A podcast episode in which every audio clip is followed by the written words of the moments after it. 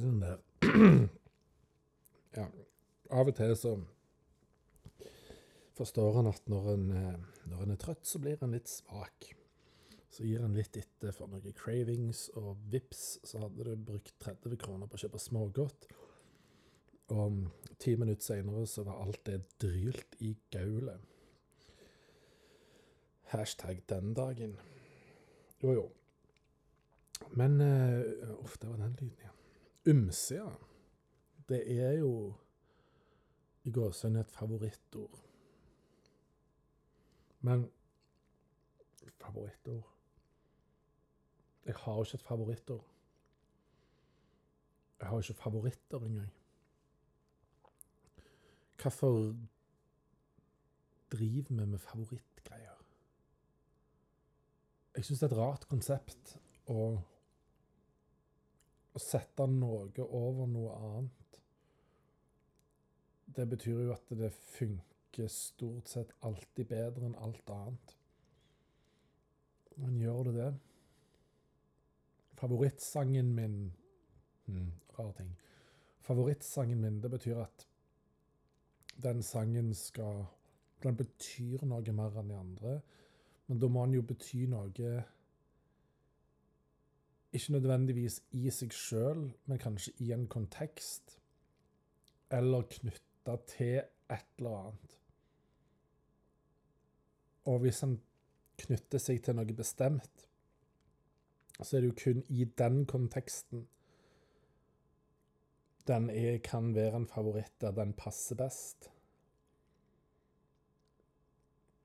Så derfor mener jeg at Nei, jeg har ikke et favorittord. Jeg har ikke en favorittsang. Jeg har ikke en bestevenn.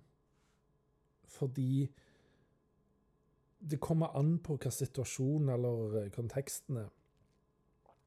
Um, O blir hos meg forbinder nok mange som er eldre enn meg spesielt, kanskje mer med en begravelsessang da kan det vel kanskje være en veldig fin sang. Du kan synes den er veldig fin. og Fine tekst og god stemning, vakker melodi og alt det der. Men du setter den jo ikke på på en fest. Og bare der blir det jo for meg feil å si at det er en favorittsang. Og derfor kan jeg heller ikke si at uh, ymse er et favorittord, fordi det er ikke alltid det passer inn å bruke ordet. Så det, Da må du jo si det hele tida, eller i de fleste kontekster, og nesten alle kontekster. Men når du skal snakke om litt av hvert fordi du ikke har en skikkelig plan, eller du har en eh, Som gjerne ikke alle holder på med lenger. Du har en katalog på din enhet der du legger litt forskjellig, fordi du har sortert alt det andre under forskjellige bestemte, spesifikke kataloger eller mapper. Da har du ei som heter ymse legger du litt forskjellige ting der. Før kalte vi det gjerne ei usortert mappe. Ja, ymse. Så jeg foretrekker det foran lett blanding, blanda drops og diverse sånn. OK, ymse er et ord jeg liker veldig godt, framfor noen av de andre lignende betegnelsene når jeg skal kalle noe for usortert eller noe lignende.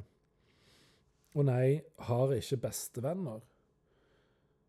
Um, fordi en bestevenn er jo best alltid.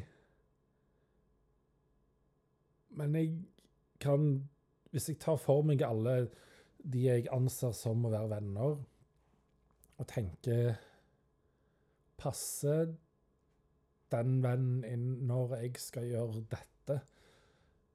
Nei, gjør ikke det.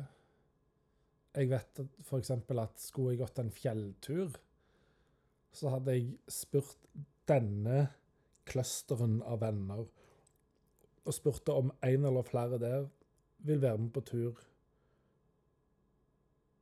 Og så vet jeg at jeg har en annen cluster av venner, så det hadde ikke vært vits å tenke tanken engang, for de kommer aldri til å være med på noe sånt. Nei, men da var ikke det den beste vennen å spørre. Da var det ikke en beste venn. Hm. Så nei. Favoritter Nei. Da setter du noen over noen andre. Bestevenner, du setter de over de andre.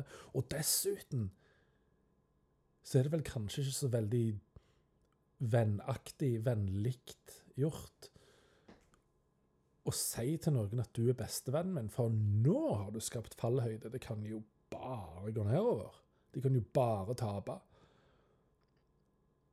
Um, så hva behov Hvorfor har noen et behov for å si til et annet menneske 'du er min bestevenn'? Er det å påtvinge en relevans, eller påtvinge en sånn 'Men jeg trenger deg i livet mitt, ikke gå vekk'? Hmm, er, det en, er det egentlig god atferd? Det er bare et perspektiv som datt litt inn. Um, jeg vet ikke om det er så venneaktig gjort å si 'du er min bestevenn'. I alle fall ikke hvis du sier det til flere, for da lyger du minst én plass. Har du sagt til to stykker at du er min bestevenn, så lyger du minst én plass. OK. Um, den siste tida så har jeg hatt mange interessante samtaler med, med, enkelte personer.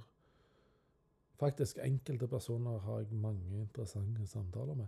Den ene har handla om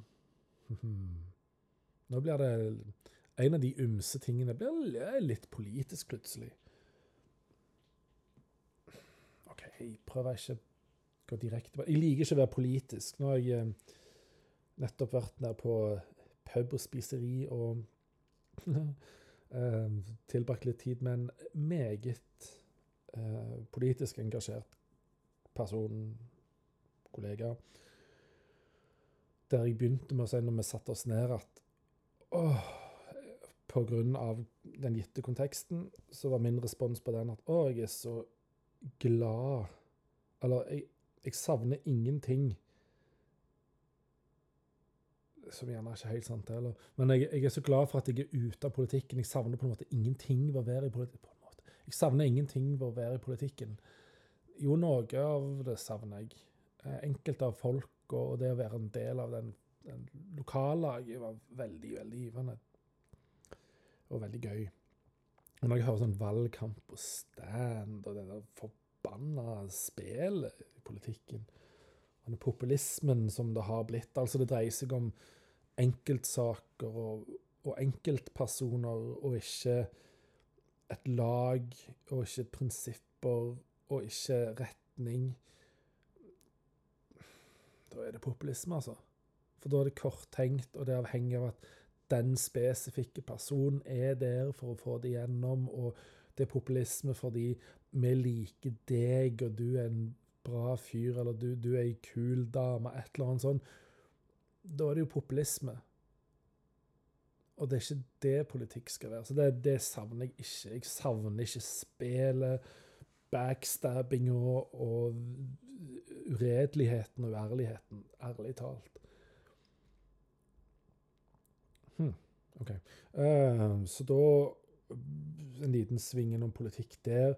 Og så en, en annen ting som jeg da har snakka litt med enkeltpersoner om, det er hvem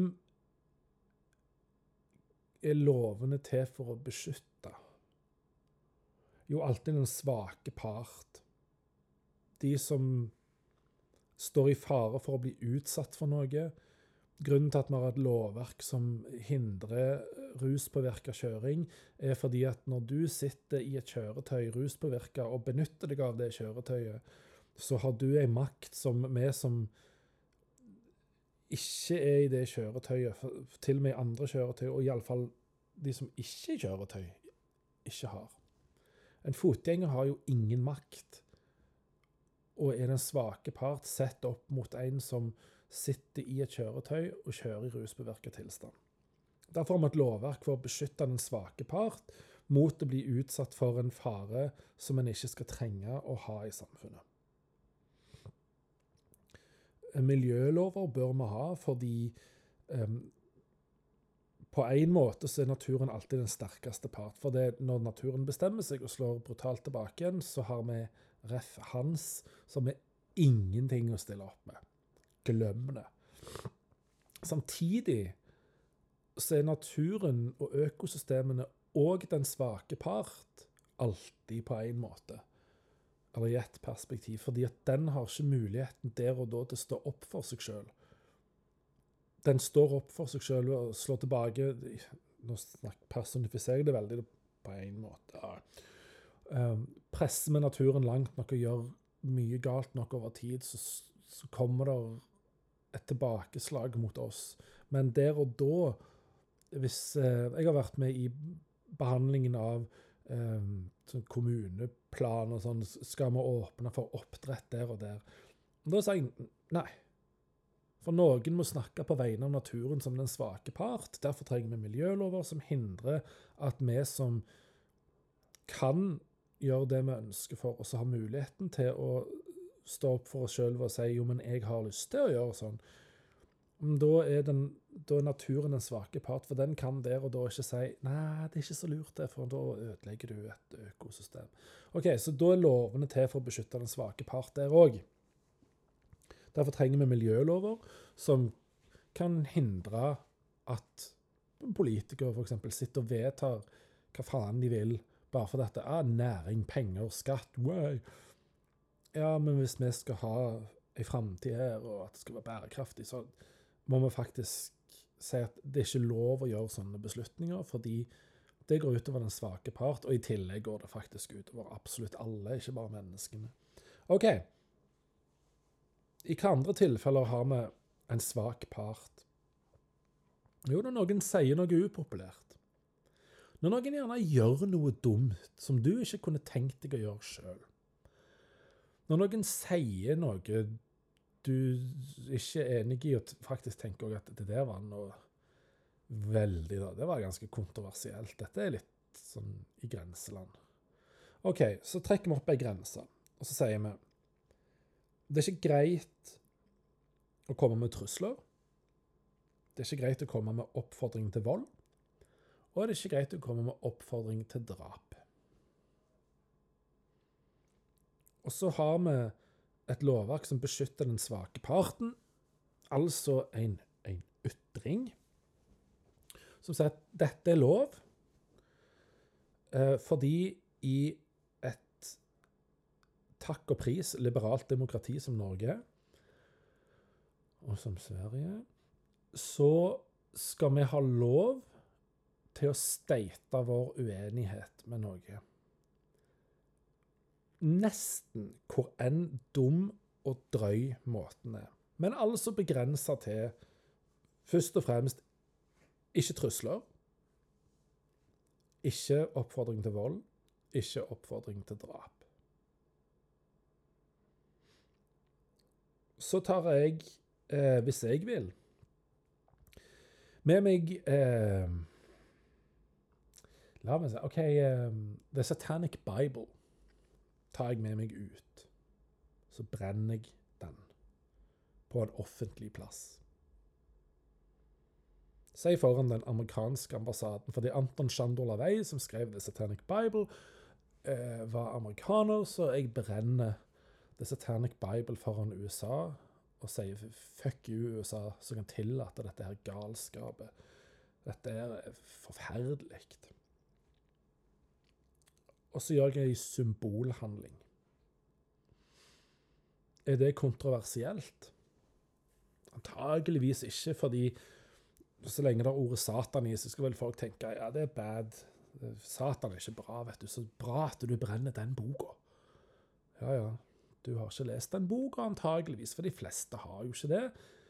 Jeg har lest den, og jeg ser ikke problemet med den. Det er bare litt uh, touchy for noen. Eller nei, assosiasjonene mange får når de hører ordet Satan, det er OK, dette er bad. Fordi de tenker på han der dotten som het Oi. Dotten som het opprinnelig Christian Vikernes, men som kalte seg om til Varg, som heter Varg Vikernes, som brant noen kirker og drepte kompisen sin med altfor mange knivstikk. Ikke dette det var, hadde vært bra med ett. Han drepte kompisen sin. Så tenker folk på han når de tenker på satanisme. Ja, men det er feilslutning nummer én.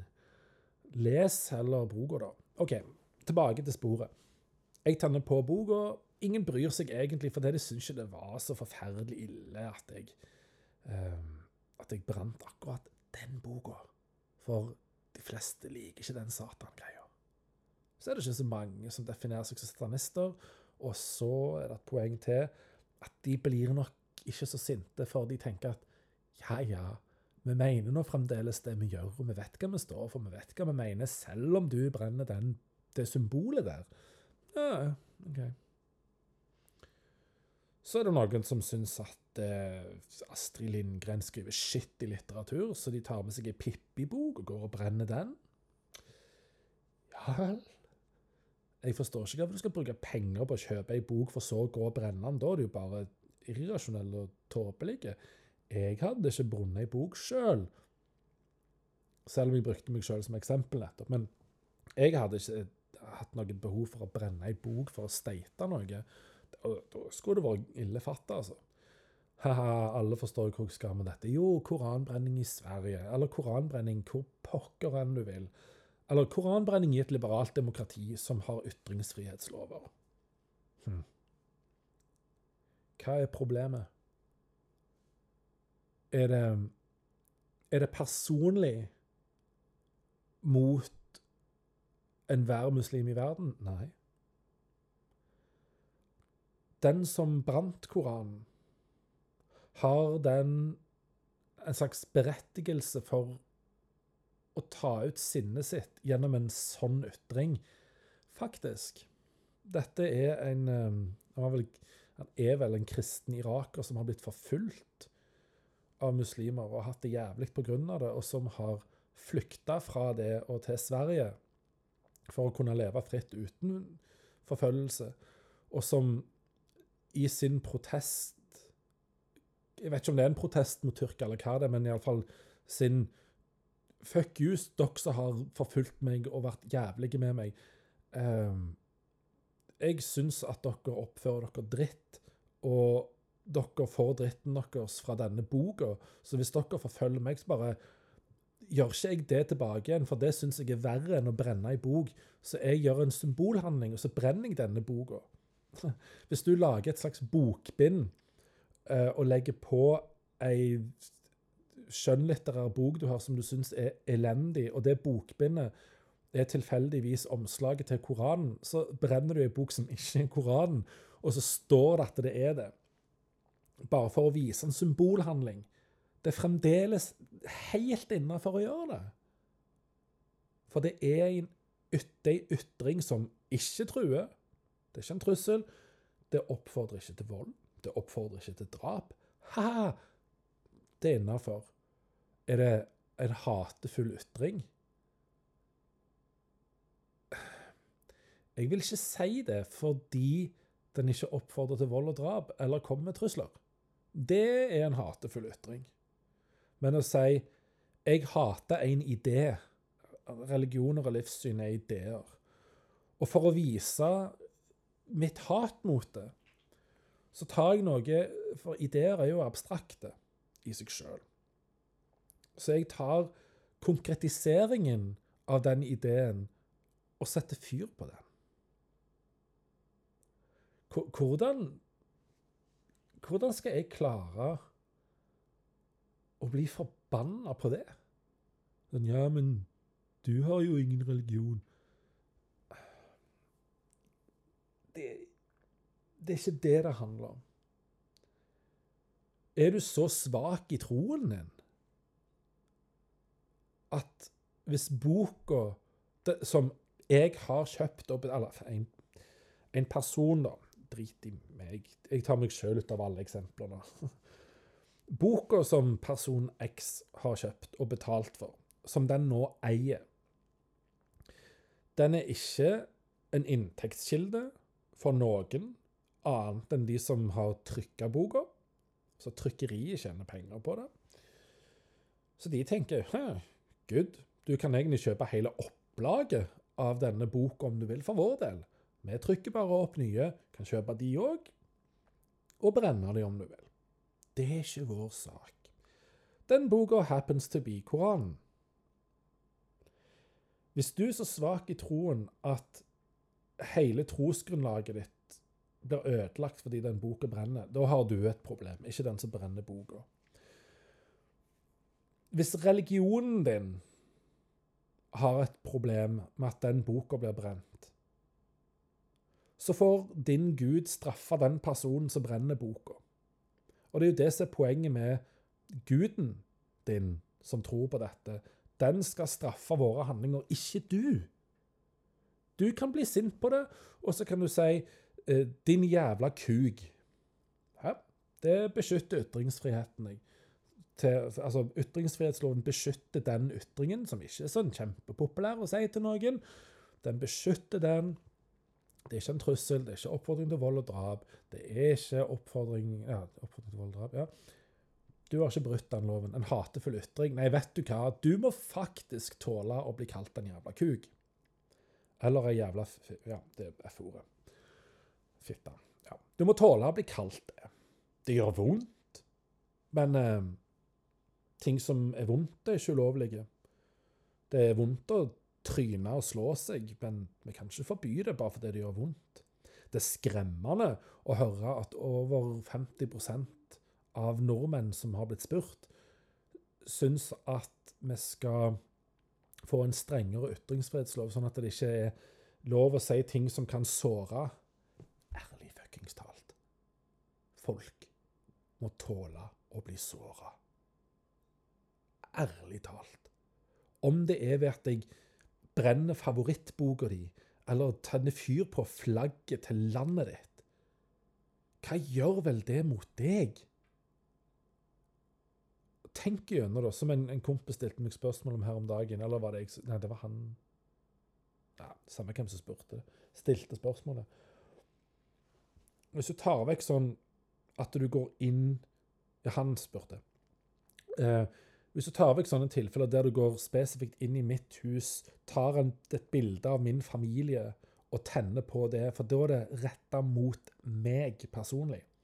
Hvis du tar tilfeller der du tar noe som ikke rammer meg personlig, men rammer egentlig en stor gruppe av folk, eller i gråsøgne alle Har du noe, spurte han meg, som provoserer deg så enormt at hvis noen gjorde det, eller hvis noen gjør en handling, så provoserer det deg så enormt for at du føler det personlig.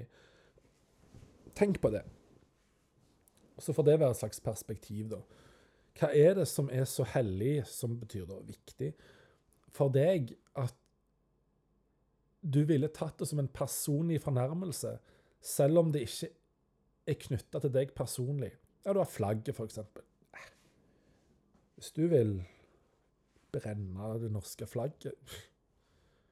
Ja vel. Det dumt du ikke brukte de pengene på noe annet, mer oppbyggelig og fornuftig enn å kjøpe et flagg og kjøpe brenne, noe å sette fyr på det med. Dumt. Ja, men vi må forby, forby flaggbrenning.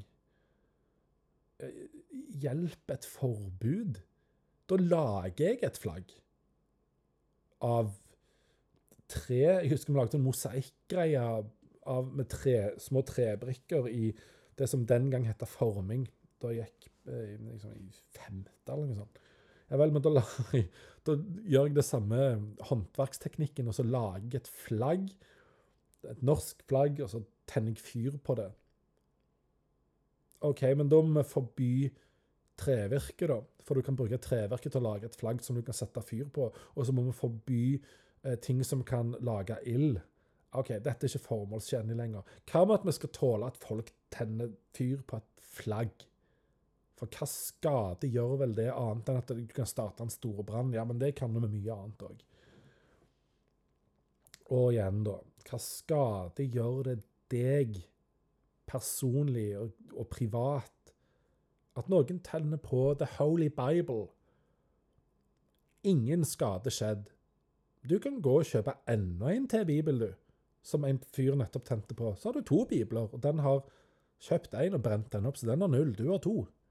Så kan du kjøpe 1000 til, så har du 1002 bibler. Den andre kjøper en ny bibel, tenner fyr på den. Hva betyr det? Det betyr bare at den personen har et problem med kristendom. Det var en jævlig usaklig måte å si det på. Men jeg kan ikke nekte en person å være en idiot. Men jeg kan nekte, og vi gjør det gjennom lovverket, en person å komme med en hatefull ytring gjennom oppfordring til vold og drap og det å komme med trusler. Der setter vi grensa. Ganske tydelig.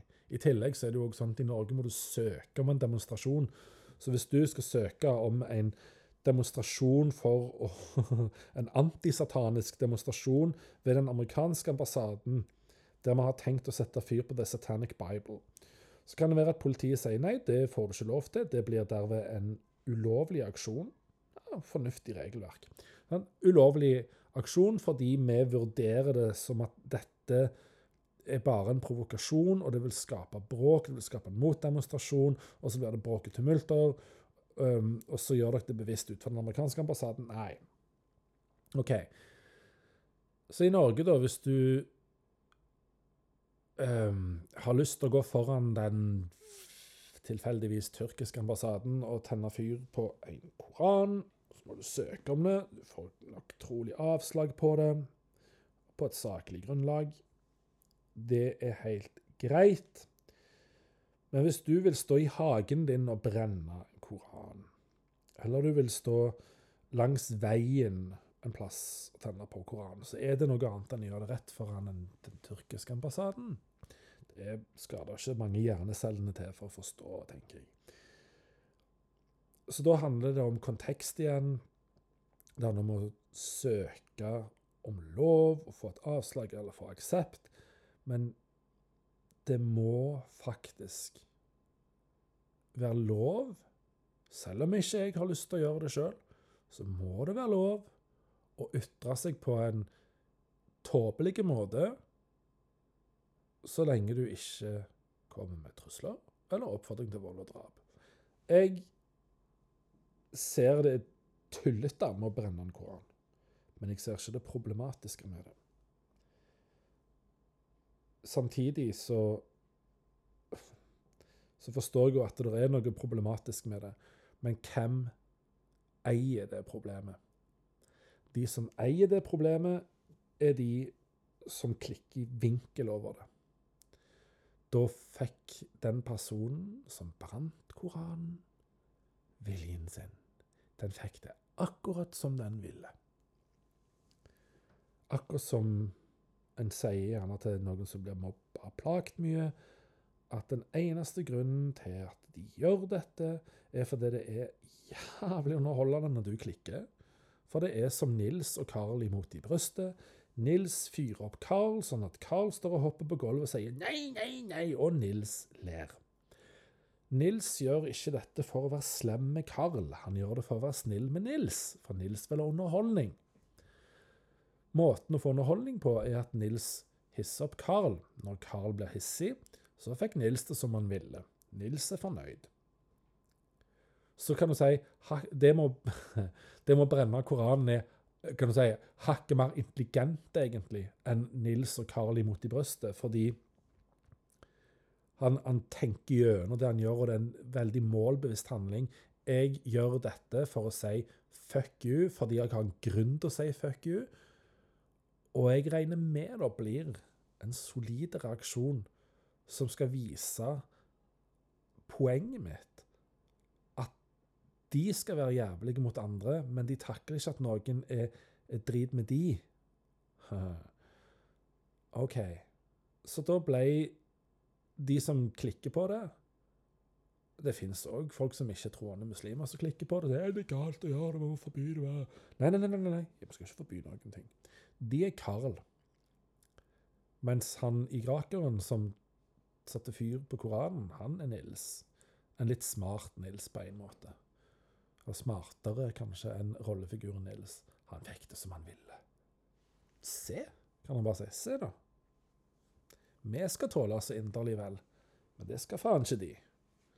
Jo, i ytringsfrihetens navn så skal vi det. Mimer Kristiansson kan du tenke og synes hva du vil om. Han har sagt noe lurt om dette i en episode nettopp altså i løpet av det siste uka eller to, fra dagens dato, som er 22. august, så sa han noe i Mimir og Marsdal, heter vel, på Han sa mange lure ting der. Han sa blant annet at um, det er en veldig dum handling å brenne en koran. Han kunne aldri gjort det sjøl, men han vil ikke nekte noen å gjøre det. Og vi kan ikke ha en lov som nekter det. Det han har et problem med, det var hvis en, eh, en offentlig etat, kan du si, kommunalt, fylkeskommunalt eller statlig, altså et bibliotek går ut og sier vi skal ha bokbål. Vi skal brenne alle bøker av denne Vi skal brenne Koranen, f.eks. Det, det er problematisk. Åpenbart problematisk. Men at en privatperson eller en privat organisasjon om Sian gjorde det Ja vel. Det beste du kan gjøre, er bare å gi fullstendig faen i at de gjør den aksjonen. Bare shrug. Ikke engang gå og se og vende ryggen til det. Bare gå forbi og gi beng. Eller ikke gå forbi engang, bare Hashtag me. Det er det du skal gjøre. For da får ikke Nils viljen sin.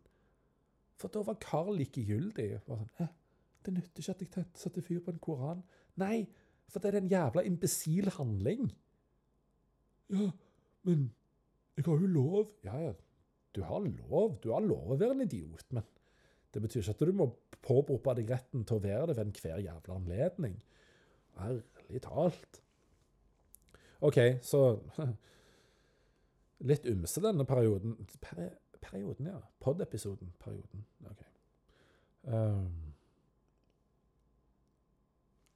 andre interessante ting som har slått meg i det siste, og gjennom prat med andre, det er unnskyldning. Unnskyld meg et øyeblikk. Unnskyldning er jo interessant. Uh, og akkurat den unnskyldning-biten av, av, dette har jeg egentlig tenkt på sjøl, og så er det ordet tilgivelse, som jeg har tenkt på før, gjerne snakket om før, som har blitt eh, litt sånn revitalisert og re... Jeg vet ikke om reaktualisert, men for det er jo alltid aktuelt. Og så har jo personer jeg omgås med, eh, snakka om tilgivelse. Så det henta opp igjen litt perspektiv på det, da. Og jeg sier ikke at det er noe unikt tankegods i dette, her, men hvis vi Eller vi sitter alene her. Eh, tilgivelse, eller tilgi. Bytt om rekkefølgen på de to ordene det består av. Gi til. OK. Det betyr da at i en situasjon der en person har gjort et eller annet og så har det medført noe uønska for en annen person, eller andre personer. Men Si vi tar et én-til-én-forhold. Person A gjør noe uønska mot person B. OK, så kommer tilgivelsen i bildet her. Det var jo uønska. Når person A da ber om tilgivelse, hva ber egentlig person A at person B gjør? Og hvis B sier, person B sier 'jeg tilgir deg', hva gjør egentlig person B da? Da hang en på korset og sa, syns jeg å huske, av lesing, ikke fordi jeg var tidsvitne til det, tilgi de for de vet ikke hva de gjør. Hvem har gjort noe galt, da? Jo, dette var jo han på korset som snakka til seg sjøl, altså. Gud. Og sa at han sjøl, eller Gud, skulle tilgi de menneskene, for de ikke vet hva de gjør. Hvem har gjort noe galt, da? Hvem var person A og person B her? Person A, som gjorde noe galt, menneskene. Person B, som skal tilgi, er han sjøl, da. som, i form av å være Gud som menneske, men han ber da eh, seg sjøl i form av ikke seg sjøl, Gud, og tilgi menneskene for de ikke vet hva de gjør. Den var litt vanskelig å forholde seg til. Jeg gjorde det unødvendig komplisert med alt tåkepratet. Person A. Du gjør noe mot meg. Noe uønska. Det er ikke bra for meg. Du gjør det. Du ønsker tilgivelse. Jeg tilgir deg. Hva tilgir jeg? Hva ber du om at jeg gir til deg? Hva gir jeg til deg? Skylda. For jeg har ikke gjort noe galt. Jeg skal ikke gå og bære skylda for dette og den dårlige samvittigheten og ansvaret for dette, for jeg har ikke gjort noe galt. Jeg ble utsatt for dette. Så du ber da, kjære Kjell Håvard, kan du gi skylda til dette for meg, sånn at jeg skal bære den skylda, du skal slippe å bære skylda for mine synder. Jeg skal sette deg fri. Altså, jeg skal forlate din skyld for å ta den på meg, sier du da. Så sier jeg greit, du er tilgitt. Jeg har gitt det til deg. Nå får du bære det. Nå er jeg fri for synd. Det har jeg vært hele tida, for jeg gjorde ikke noe galt her. Fuck off. sånn, så går du videre i verden. Du har blitt tilgitt. Du bærer skylda for dette. Og kanskje òg skammen. To forskjellige ting. Eh, skam Det var en filosof som sa det. Jeg tror det var han Einar Duenger Bøhn. Han sa eh, Skammen kan du gjemme deg for, men du kan ikke gjemme deg for skylda, for den bærer du alltid med deg. OK, så du ber om tilgivelse for skylda. Du får den med deg. Du bærer den alltid med deg, for du gjorde noe galt her. Men for ut for tilgivelsen så ligger det en annen ting, og den heter unnskyldning. Så hvor går en ofte først når en skal finne ut hva som ligger i et ord? Jo, en går til ei ordbok. Så jeg søkte opp unnskyld eller unnskyldning. Og der står det 'unnta for skyld'. OK. Så når sier du unnskyld? Kan det være du sier unnskyld for lett? Ja, det kan være. Du sier gjerne unnskyld når du vet du har gjort noe galt. Ja, men da betyr unnskyldningen din ingenting. Da kan ikke jeg unnta deg for skyld. Unnskyldning er ikke godtatt. Nei, sier han da. Unnskyld meg, hva for faen gjorde du det når du vet det var galt? Altså, vet du det var galt det du gjorde? Ja, hva faen gjorde du det da for? Jeg vet ikke. Nei. Men da kan jeg ikke unnskylde deg. Men jeg kan tilgi deg. For jeg kan gi skylda til deg for dette, for det er du som har skylda. Men jeg kan ikke unnskylde deg. Jeg kan ikke unnta deg for skylda. Så nei, jeg unnskylder deg ikke, men jeg tilgir deg. Hvor mange ganger kan du egentlig si unnskyld for den samme type handling? Perspektivet mitt én gang. Nå sier ikke jeg jeg lever etter dette, dette er bare et perspektiv. Du kan si unnskyld én gang, som i type Kan du unnta meg for skyld, for jeg mista litt kontrollen. Jeg var ikke helt meg sjøl. Ja, det er greit. Eh, diagnosen din eller situasjonen din, et eller annet din gjorde at du ikke var helt deg sjøl. Nå, nå unntar jeg deg for skyld. Men faen, ikke gjenta dette her. For nå vet du det. Nå vet du om at du kan være sånn som dette. Nå er ikke diagnosen din lenger en en skyldsunnlatelse, eller hva en måtte kalle det. Nå vet jeg om at du har den greia som kan spille deg et puss, så nå unnskylder jeg deg ikke lenger. Og det nytter ikke å komme og krype og si 'please, unnskyld, unnskyld'. Nei. Nå får du bare tilgivelse. Nå må du leve med at du har gjort dette. Hvorfor lærte du ikke første gangen? For nå vet du det er galt. Nå holder det ikke å komme krypende med unnskyldningen sin og be om å bli unntatt for skyld. Du må leve med det. Jeg tilgir deg, sånn at du lever med det.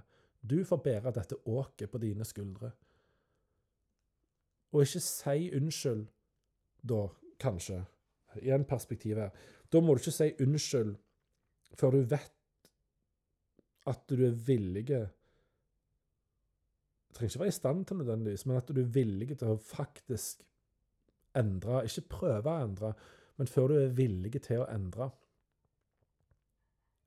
Hvis du da gjør den tingen som du ikke har unnskyldt deg for før, da har du gjerne bedt om tilgivelse, så går det kommer til et punkt der du gjør den handlingen igjen og kjenner at eh, Men kan, jeg kan ikke fortsette sånn som dette. Så sier du Kan du ha meg unnskyldt? Kan du unnskylde meg? Kan du unnta meg for skyld? For jeg mista meg sjøl litt der. Så kan du gjerne svare med Men du har gjort dette så mange ganger før. Hvorfor skal jeg tro på deg nå? Jo, for nå har jeg innsett at jeg faktisk må endre. Hvis ikke så vet jeg ikke om vi kan være så mye sammen, for dette da, da blir jeg Da skammer jeg meg litt òg. For nå har jeg sagt at jeg vil endre. Men, men kan du denne ene gangen unnta meg for skyld? Du har tilgitt meg så mye nå, men kan du unnta meg for skyld denne gangen, så skal jeg love at dette skjer ikke igjen. For det må ikke skje igjen. Hva hvis det da skjer igjen? Ja, men da må begge partene ta en vurdering på hva skal vi gjøre her? Skal vi faktisk gidde å holde i live denne relasjonen? Eller skal vi beholde denne relasjonen som den type relasjon det har vært til nå, eller så skal vi rekategorisere den til noe annet? At det blir en mer perifer relasjon. For sånn som det er nå, så funker det ikke. For dette. nå har du gjort dette gang på gang. Du sa unnskyld og sa at du, nå skal du endre fordi at nå nå har du innsett det sjøl, og så gjør du det likevel.